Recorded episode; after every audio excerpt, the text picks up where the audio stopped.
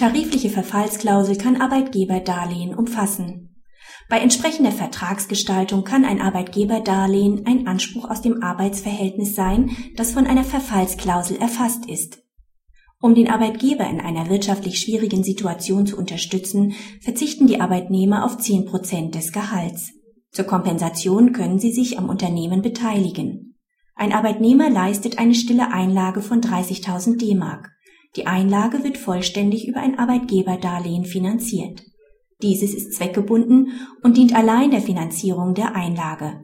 Die garantierte Verzinsung der Einlage übersteigt den Darlehenszins. Sie muss vollständig, jede weitere gewinnabhängige Verzinsung der Einlage zum größten Teil zur Tilgung der Darlehenszinsen benutzt werden.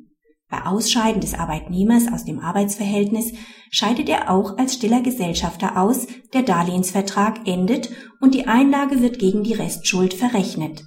Laut Darlehensvertrag stellt die Insolvenz des Arbeitgebers einen wichtigen Grund zur fristlosen Kündigung dar.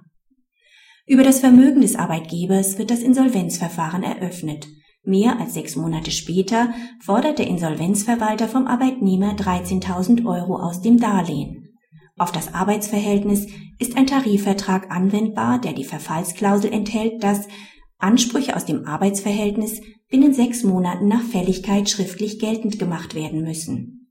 Die Darlehensforderung ist nach Auffassung des BAG ein Anspruch aus dem Arbeitsverhältnis, sodass die tarifliche Ausschlussfrist anwendbar ist.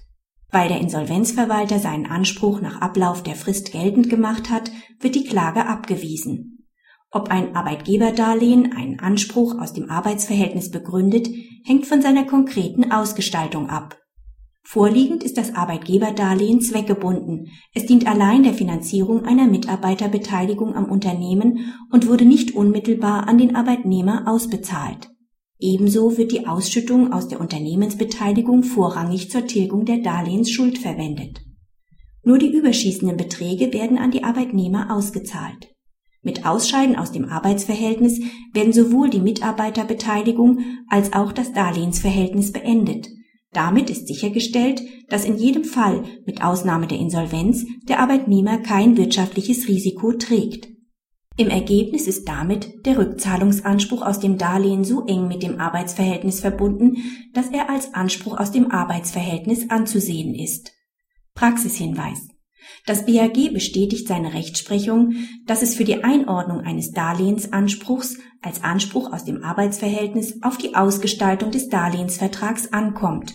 Besteht auf Seiten des Arbeitgebers Unsicherheit über diese Einordnung und die daraus folgende Anwendbarkeit einer Ausschlussklausel, sollte er einen etwaigen Anspruch vor Ablauf der Frist geltend machen, um einem unnötigen Risiko zu entgehen